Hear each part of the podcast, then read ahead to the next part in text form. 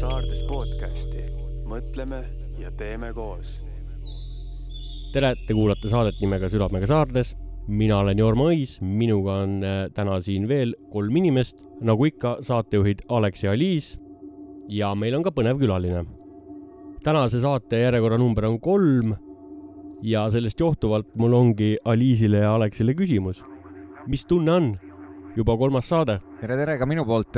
no tunne on oluliselt parem kui esimene kord esimene kord ma olin ju nii-öelda ülekuulatav. ja mul on väga hea meel, et ikka veel siin olete ja, ja alustame saatega. Aliis, tõmba see asi käima meil. mina ei saanudki öelda, et mis on minu tunne, et tunne on väga tore, et kaks saadet, mida me oleme teinud, nad on tõesti olnud väga omanäolised, seda tuleb kindlasti ka meie kolmas saade. aga millest tuleb siis täna juttu? täna tuleb juttu meie külalise lapsepõlvest, tema haridusteest, seotusest metsandusega ja metsamajandamisega, kogukonnatööst ja samuti muidugi saarde poliitikast tuleb juttu.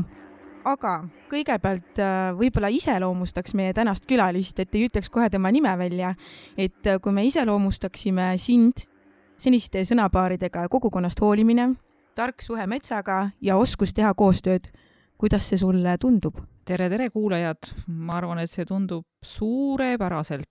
Et ma ainult ei tea, kas keegi arvaks selle sõnapaaride põhjal ka ära, kes, kellega tegemist on? täna on meil saates Südamega Saardes valimisliidu kandidaat äh, numbriga sada kuusteist, Kadri Aiaviik. tere tulemast, head kuulajad! hakkame siis kuidagi kuskilt otsast rahulikult pihta äh,.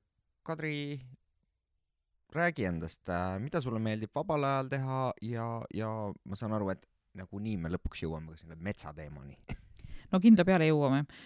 Aga kas esimene küsimus on see, et kas mina olen ka põline saardekas, nagu kõik eelnevad on väitnud? jaa, me võime sellest alustada, absoluutselt. selle, selle saardekas olemisega on selline lugu, et minu isa on tegelikult põline saardekas ja tema e, esivanemad on kõik Saarde vallast, ehkki kunagisest Pati vallast, ehk kui täpsemalt öeldes küla järgi, siis Tõitojalt pärit. ja tema läks ära peale metsanduse õppimist Voltveti koolis läks ära äh, Ida-Virumaale tööle ja kohtus seal minu emaga, kes oli pärit äh, Lääne-Virumaalt. ja mina mõtlesin, et kuna nemad kolisid siiski Lääne-Virumaale tagasi elama ja, ja mina käisin koolis Lääne-Virumaal, siis ma arvasin, et täitsa aus oleks peale kooli lõpetamist tulla ja teine pool oma elust veeta sellel maal, mis on isa, äh, kust isa pärit on ja aga selgus, et see osa vist on saanud nüüd oluliselt pikemaks. jah, eks ta tihtipeale elus niimoodi on.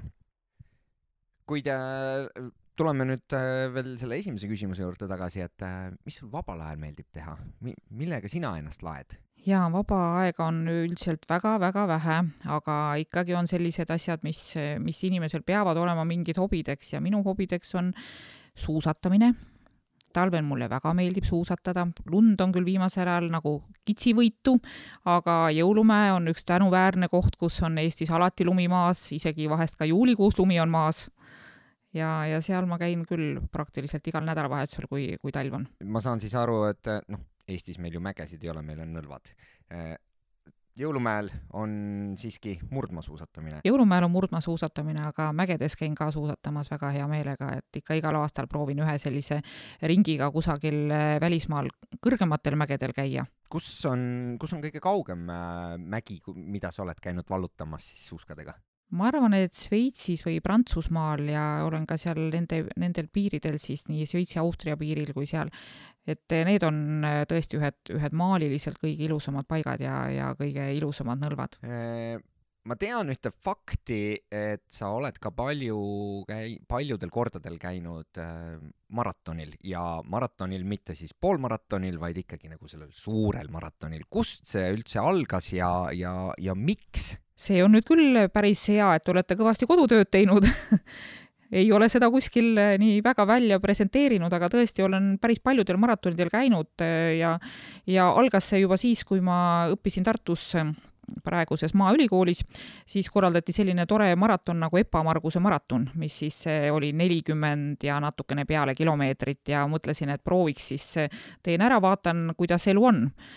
Jäin ellu ja samal aastal tegin ka siis ainsana siis ka Tartu maratoni tolleaegse täispika, mis oli veel väga vahva, kus osa maad sõideti klassikas ja osa sõideti uisku selline päris huvitav maraton, kes seda kunagi läbinud on. väga põnev. jah, see oli ka üksainukene kord, sest selline asi on suhteliselt kirjeldamatu, et kui on klassikarajad, et siis pärast selle peale hakatakse uisutama. et kuulaja ka saaks aru, et me räägime, et meil on ikkagi pika staažiga maratonidel käia, et meie teadmist mööda aastast tuhat üheksasada üheksakümmend kaheksa tulevad välja sinu esimesed siis äh, maratonil, maratonil käigud.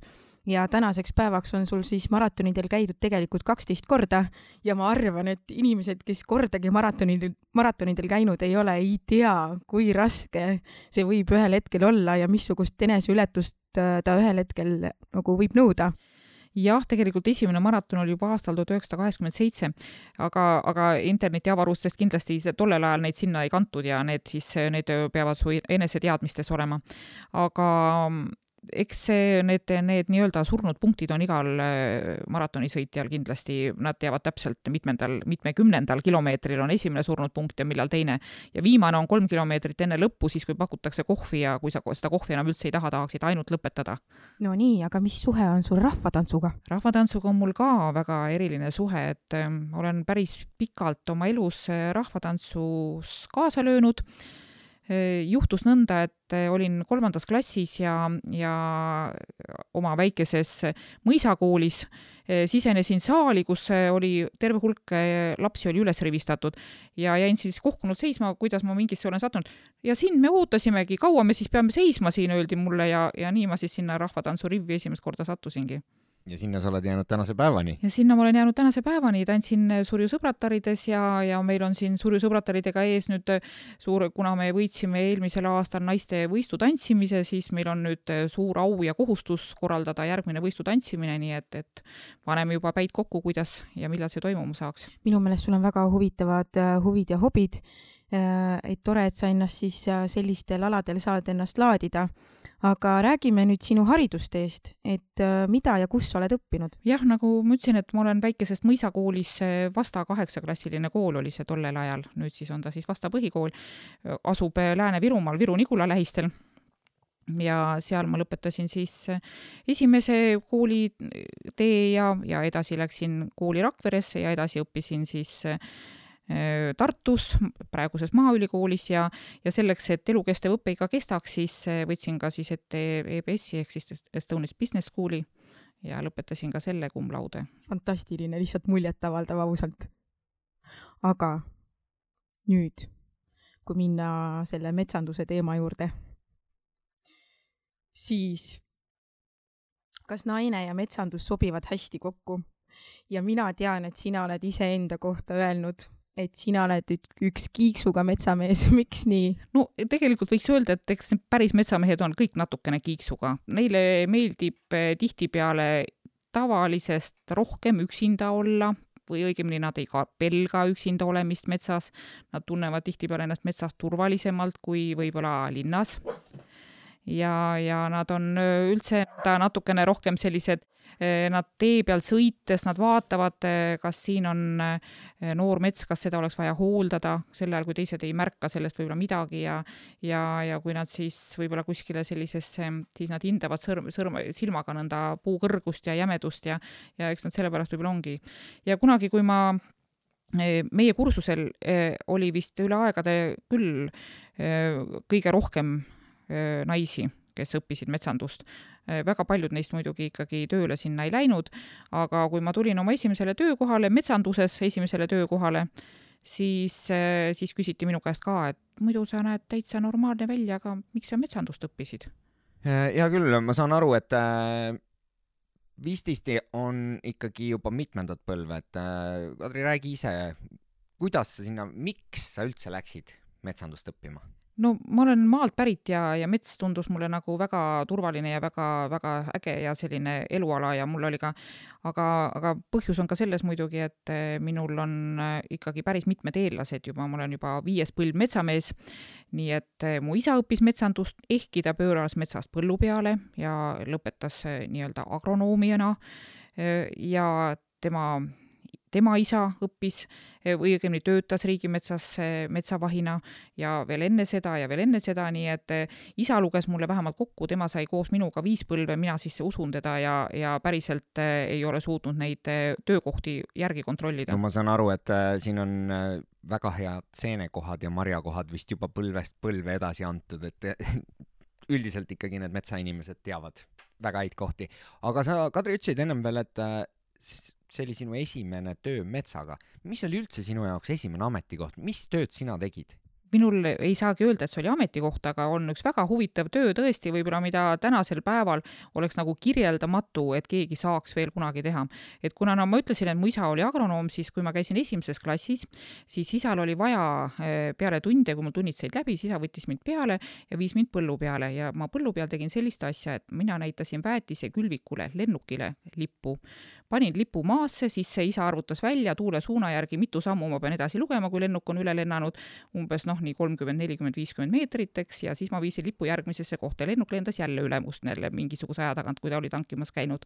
nii et see oli, see oli minu esimene eh, kokkupuude eh, tööeluga ja see, kuna see oli väga lühikene aeg, sest eh, väetiselennukid ju käisid kolhoosides, olid võib-olla nädal aega ühes kohas, siis oligi nõnda, et peale kooli käisin nädal aega tööl väetiselennukile lippu näitamas. ei ole niisugust, niisugust ametikohta üldse kuulnud, tõesti, väga äge. ja meie mõtlesime, et meie üllatame Kadrit kuidagi, nüüd Kadri üllatas meid oma esimese töökoha mõttes. mul on ka teine väga äge töökoht veel olnud. aga palun räägi sellest. teine väga äge töökoht oli jälle seotud sellega, et eh, isa töötas agronoomina, siis oli vaja sellistele asjadele nagu silo kilohoidlatel eh, oli vaja kiled keevitada ja meil oli kokku pandud väga usaldusväärne brigaad, sest see oli ääretult oluline töö, seal ei tohtinud ka nööpnõelauku olla.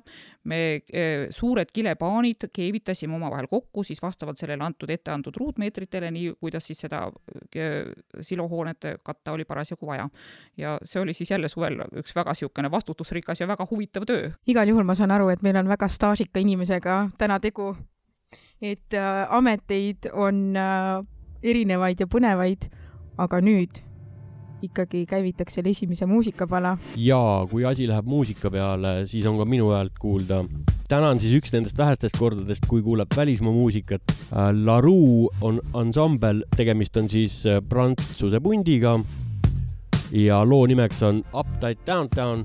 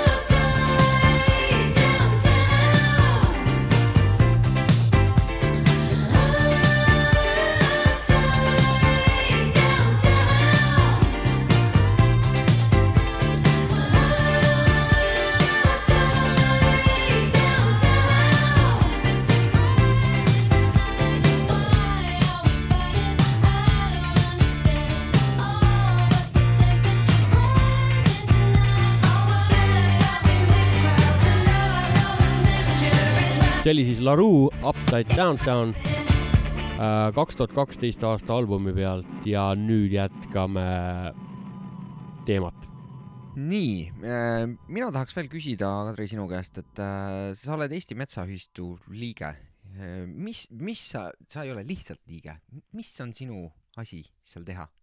Jah, ma olen natukene rohkem kui lihtsalt liige küll, ma olen seal Eesti kõige suurema metsaühistu juhatuse esimees, mis tähendab siis ühtlasi ka seda, et meil tegevjuhti ei ole ja, ja ma korraldan ka selle metsaühistu tegemisi ja, ja toimetamisi ja meil on üsna ebaharilikult eh, päris suur mees- ja naiskond, kes eh, selles metsaühistus kaasa löövad. tihtipeale metsaühistud kipuvad olema natukene sellised ühe-kahe või, või maksimum kolme mehe või naise tööpõld, aga, aga meil on seal neid ikkagi tublisti üle kümne. Nii et minu asi on siis seal tegelikult juhtida, koordineerida, motiveerida ja, ja, ja kaasa elada kõikidele asjadele, mis, mis viivad selle metsaühistu tegevust edasi. aga millised on täna sinu arvates ühiskonna ootused üldse metsale, et me kõik oleme ju kuulnud seda virinat, mis ikkagi tuleb, et oi, jälle raiuti maha, noh, mul on oma arvamus sellest, kuidas sinul on? no minul kindlasti on ka oma arvamus sellest et, et mets kasvab ja metsa on Eestis tublisti-tublisti rohkem, kui teda oli eelmise sajandi alguses et väga paljud põllud ja, ja rohumaad on kasvanud metsa tänaseks päevaks. Eestis on üle viiekümne ühe protsendi metsa ja pool sellest, õigemini natukene üle poole isegi, on erametsamaa ja pool sellest siis riigimetsamaa. ja mitte kunagi varem ei ole Eestis nii palju metsaga kaetud alasid olnud kui praegu.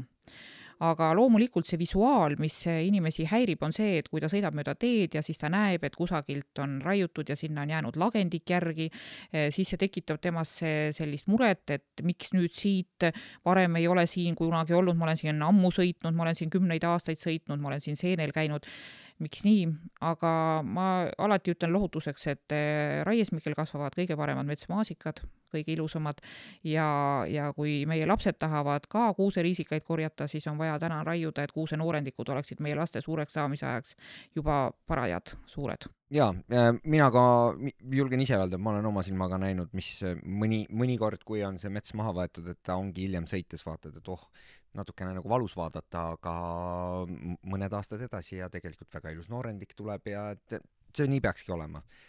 kuid mis sina arvad, kas äh, kas meie metsad on hästi hoitud? mina arvan, et meie metsad on päris hästi hoitud, et äh, riigimetsas tehakse töid väga planeeritult ja, ja väga äh, kalkuleeritult ja, ja metsaseadused on meil üsna-üsna hästi reguleerivad seda toimetamist, nii et seal sellist omapäi ja uisapäisa tegutsemist, seda ruumi on seal ikka väga-väga vähe, kui midagi sellist, sellist tahaks teha nii et mina arvan, et on päris hästi ja, ja võin öelda, et kuna meie metsaühistus on umbes tuhat kakssada viiskümmend liiget, siis eh, ka nemad enamasti on need, kes eh, pigem on metsahoidjad kui metsamajandajad, ehkki me õhutame ka neid siiski metsa majandada, majandamise poole, sellepärast ka noore metsa hooldamine on metsa majandamine. Nonii, aga sinu isiklik siis seisukoht või arvamus, et äh, mille pärast sa tunned äh, kõige rohkem rõõmu või valutad südant, kui sa mõtled metsa ja metsa, äh, metsamajandamise peale? mulle,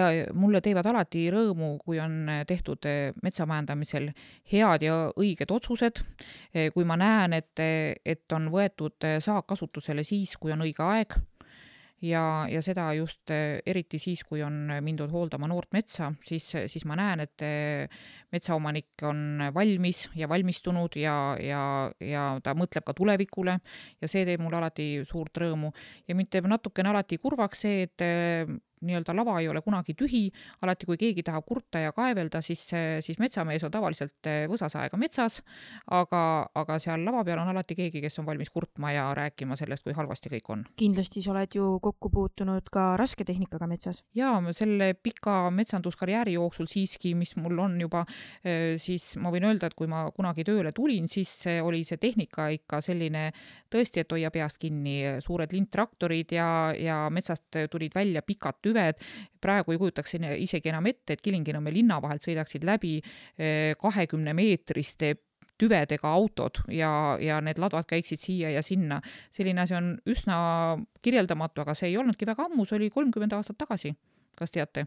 ja siis umbes nii see kõik toimus ja siis need tüved veeti kuhugi lattu ja, ja sõi, lõigati seal juppideks ja, ja need jupid läksid õigetesse kohtadesse. praegusel hetkel tehakse kõik see töö ära metsas ja langi peal ja teede peal vuravad ilusad, suured, puhtad, eh, uued, eh, koormad kinnitatud, eh, koormavöödega autod ja, ja mingit sellist ohtu seal kuhugi ladva alla jääda enam ei ole ja sellest äh, tehnikast me rääkisime ja, ja ka mina mäletan seda hullu aega, kui need suured koormad siit Kilingi-Nõmme vahelt läbi läksid, et äh, mingisugused mälestused on.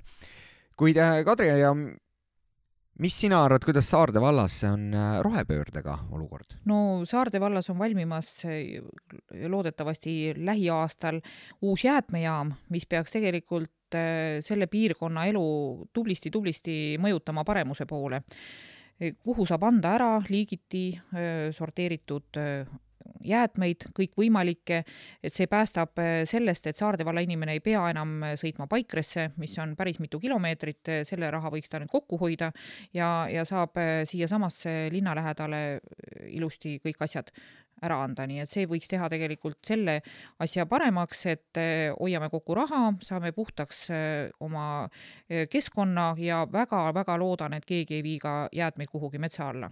See oleks ilus küll, et neid sinna ei viida, kuid isegi seenel käies äh, olen komistanud prügi otsa ja see on tõesti üks häbiväärne asi, et, et ma alati siiralt imestan, kui, kui seal minu kandis inimene, kes on sõitnud Paikre tee otsast mööda ja siis näinud suure vaeva ja tirinud metsa televiisori ja diivani, et miks ta seda küll teeb? Mina kui ka see nii-öelda Paikresse sõitja ikkagi iganädalaselt mina tunnen täitsa huvi, et kas on paigas, kuhu see jäätmejaam ka tuleb? jaa, see jäätmejaam tuleb eh, praeguse reoveejaama eh, juurde, sinnasamasse eh, territooriumile ja mina väga arvan, et see ei ole ka Kilingi-Nõmme linnainimestele üldse pikk maa sinna oma prügiga minna. teadaolevalt korraldas Eesti Metsaselts üle Eesti, üle-eestilise metsarahva päeva ja see oli nüüd alles hiljaaegu, kaheksateist september et äh, ja ma tean, et sina olid ka seal kaastegev, et missugune oli sinu roll selles? jaa, see oli üks väga tore algatus, mis tegelikult pidi saama juba avalöögi juba eelmisel aastal, aga eelmisel aastal nagu paljud asjad jäi ka see asi meil ellu viimata aga natukene ma võiks tuua paralleeli, et see võib olla natukene võrdlus avatud talude päevaga või maal elamise päevaga või, või, või võib-olla ka näiteks kodukohvikute päevaga, kus tegelikult ühe, kas siis ühe kandi või ühe eriala inimesed lasevad natukene piiluda oma igapäeva tegemistesse, kus tavaliselt eh, inimesi võib-olla ligi ei lasta. metsa küll, metsa võivad ju kõik minna, enamasti on ka erametsad kõik avatud, aga, aga avatud olid ka siis tehased näiteks, kus eh, tehakse puidust tooteid sest meile kõikidele ju meeldivad puitlauad ja puidust toolid ja, ja põrandad tahaksime väga puidust ja, ja no sauna me ju ometi ei pane ju kuhugi seina endal plastikut ja lava taevas hoidku. ikka, ikka haavast või pärnasteks. nii et inimeste huvi selle päeva, sellel päeval tegelikult oli suur? inimeste huvi oli päris suur, ehkki see kattus ka natukene teiste üritustega Eestis, aga ma ütlen, et eh, selle teavituse ja selle aja kohta, mis, milleks nagu see nii-öelda uus sündmus Eesti maastikule tuli, oli äh, tegelikult tulemus väga hea ma väga loodan, et äh, sellele algatusele tuleb kindlasti ka jätku. jaa, seda on plaanitud nüüd ikkagi regulaarse sündmusena ja, ja igal aastal ja ma usun, et siis ka inimesed äh, nii-öelda harjuvad käima ja nautima seda, mis, mis tegelikult nagu avatud südamega pakutakse. ja kui nüüd jätta korraks metsa ja metsamajandamise teema kõrvale, siis äh, räägiks kogukonnatööst. jah, ega tegelikult me ei ole keegi üksi siin maal, eks, ja, ja ma olen alati öelnud, et mina ei saa elada paremini kui minu naaber nii piltlikult öeldes, et me keegi ei ela kuskil üksinda kusagil külas nõnda tsitatellis, vaid, vaid ikka me tegelikult, eh, mida paremini me oma naabritega läbi saame, seda, seda paremini me ennast selles keskkonnas tunneme. ja mina võin öelda, et meie külas on küll väga toredad inimesed ja, ja väga, väga rõõmsameelsed ja väga kaasatulevad inimesed kõikidele tegevustele aga laiemas plaanis jah, muidugi olen ma ka natukene tegev külaliikumises kodukant Pärnumaal ja, ja Rohelise Jõemaa koostöökogus. nii et, et püüame siis igatepidi inspireerida kogukondi ühistegevusele. tegelikult on ju seda ka märgatud äh, kõrgemalt, äh, et, et te olete tublid ja, ja sind on tunnustatud Pärnumaa kodukandi poolt välja antud sädeinimese ja teie peret kogukonna pärlitiitliga. et see, see tegevus, mis te teete, ei ole jäänud ju peitu. no jälle kord pean ütlema, et kodutöö on väga tublisti tehtud et eh, tõesti see nii on küll päris mitu aastat tagasi juba, aga, aga loomulikult eh, ei saa ka olla nõnda, et eh, keegi saab sädeleda ilma selleta, et perekond teda toetaks. nii et siit suur tänu perekonnale. ja nüüd oleks aeg meie teiseks muusikapalaks. Ja nagu ikka, on siis selle muusikapala kaasa võtnud meie saatekülaline. nii on, aga enne veel ma küsiks paar küsimust millist rolli mängib muusika sinu elus? muusika mängib küll väga suurt rolli, eriti kui ma tulen kusagilt äh, mingitelt rasketelt kokkusaamistelt või nagu pikkadelt aruteludelt, siis, äh, siis muusika mängib äh, täiega minu autos. ja, ja see aitab mul jälle, jälle nagu mõtted kokku korjata ja ja kuidagi iseendaga hakkama saada. aga räägi meile, mis loo sa täna oled kaasa võtnud ja miks see lugu on sinu jaoks eriline? ma valisin tänaseks kuulamiseks Enia ja Only Time. see on lihtsalt nii hea lugu, et eh, see, see aitab eh, nii hommikul ärgata kui õhtul magama minna, see on, see sobib igaks eh, elujuhtumiks. väga super, väga super ja kuulame loo üle. Who can say where the road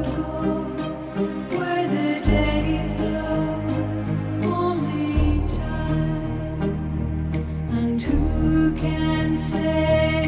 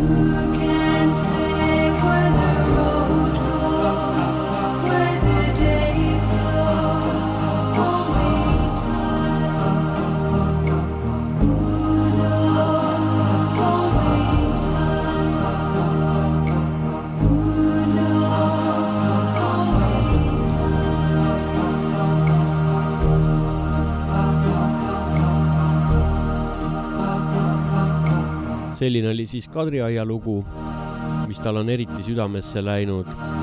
aga nagu ikka, saate kolmas pool, kolmas plokk siis äh, tuleb otsaga tänapäeva ja päevapoliitikasse. ehk siis see on see teema, mida meie eriti ei valda. aga see selleks. olgu, ma küsi-, küsiks kohe alustuseks ära äh, küsimuse. Minu teada oled sa väga pika valla juhtimisstaažiga ehk siis kogemusega. mis sind motiveerib ikka ja jälle sedasama asja tegema? kuidas sa jaksad? see on uskumatu aitäh, see on nüüd hea küsimus.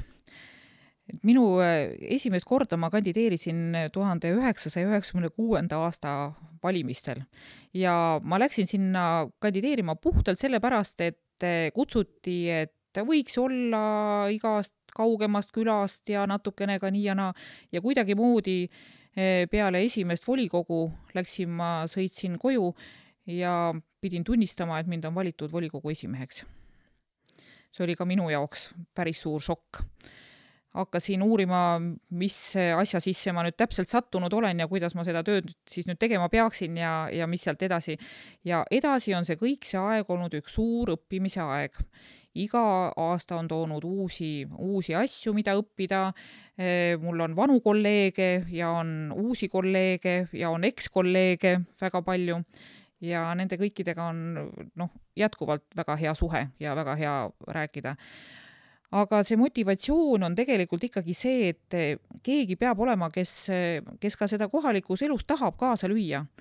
kuidagimoodi on tehtud nendest poliitikutest ja, ja tihtipeale on nad ise selleks ka väga palju kaasa aidanud, on tehtud sellised paarijad, et nad nagu ei olegi nagu päris inimesed ja neil on alati mingisugused salamõtted ja salaideed, siis siis mina ütlen, et minul mingit salamõtetega salaideed sellist ei ole, mis, ma lihtsalt tahaksin, et minu kodukandis inimesed normaalselt hästi hakkama saaksid. minu meelest on see väga eluterve mõte.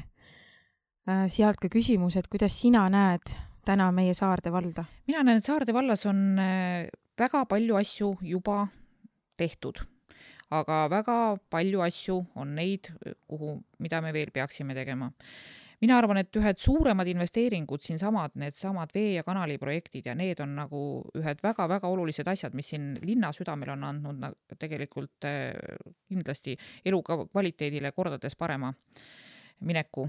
aga ma näen ka seda, et tegelikult seda linna siin saaks veel paremini arendada, et ta ei oleks depressiivne väikelinn, nagu ühes laulus öeldi, vaid et siin oleks tõesti ägedad keskväljak ja, ja toredad mingid kohvikud, kus olla. Ja, ja ma näen, et need üritused, mis siin viimastel aastatel on toimunud, needsamad kodukohvikute päevad ja need on just täpselt need asjad, mis ühe kogukonna tõmbavad käima ja, ja tegelikult annavad seda power'it ja kus, kus näidatakse natukene oma tagahoovi ja mis on tegelikult sellised kogukonda liitvad tegevused aga ma näen, et seda tegevust ja asja siin, ka seda investeeringute poolt on nagu väga-väga palju, mis siin veel tuleks teha. Ja mul on seniajani tahtmine ja, ja soov sellesse panustada ja, ja ma arvan, et sellist kaasrahastust ja selliseid projektirahasid tuleb siia kõvasti ja kõvasti juurde otsida nii palju kui vähegi võimalik, sellepärast ei, valla eelarve ei ole kummist ja ei saa kahjuks kõikidele valijatele lubada, et me kõik teed asfalteerime ja, ja, ja igale poole kohe saabub õnn, aga kui me koos teeme, ma arvan, saame hakkama küll. Jah, mina olen ka seisukohal, et võimatut ei ole vaja küll inimestele lubada, et jääme ikkagi selle koha pealt realistiks. no nii, Kadri Aia, me oleme veidi rääkinud nüüd sellest kogukonnatööst mina tean, et sina oled hästi motiveeritud alati kaasa lööma oma mõtete ja ideedega, kui Saarde valla erinevatel üritustel, ürituste eel oleme pannud pead kokku ja mõtteid kogunud, et mida teha, kuidas teha ja nii edasi. aga räägi veidi sellest, et äh, mida teie oma kodukülas teete? meil on selline tore külaselts Lähkmaa Saunametsa külaselts. mõlemas külas elab umbes kolmkümmend inimest ja, ja nendest siis enamik on ka külaseltsi tegevustega kuidagimoodi seotud või, või kaasalööv. ja, ja meil alguse sai külaselts üldse siis, kui, kui RMK-s väga paljud kontorihooned, kaasa arvatud siis Kilingi metskonna jäid üle ja, ja tolleaegne Surjuvald küsis siis selle hoone endale selleks, et külaselts soovis seal hakata oma tegevusi ellu viima või läbi viima.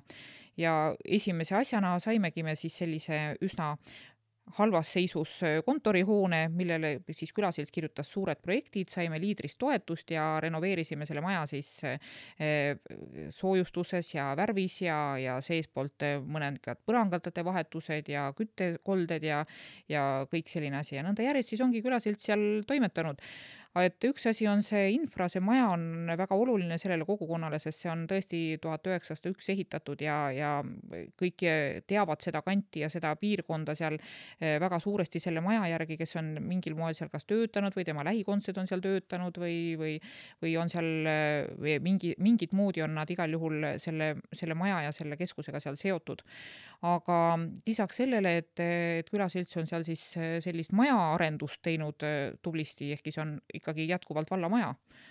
ta on küll lihtsalt külaseltsile tasuta rendile antud. aga siis me oleme ikka üritanud seda seal sisuga ka täita, et mitte ainult on kunagi seal tehtud lastele väikseid selliseid suvetegevusi, suvelaagreid, selliseid väikseid tegevusi, kui lapsed olid väiksemad külas ja, ja nüüd aga praegu näiteks on seal Lähma pillimehed, kes siis iganädalaselt teevad seal proovi ja nendest on saanud nagu päris tore ja arvestatav bänd, keda on, kutsutakse ka pidudele mängima ja, ja esinema.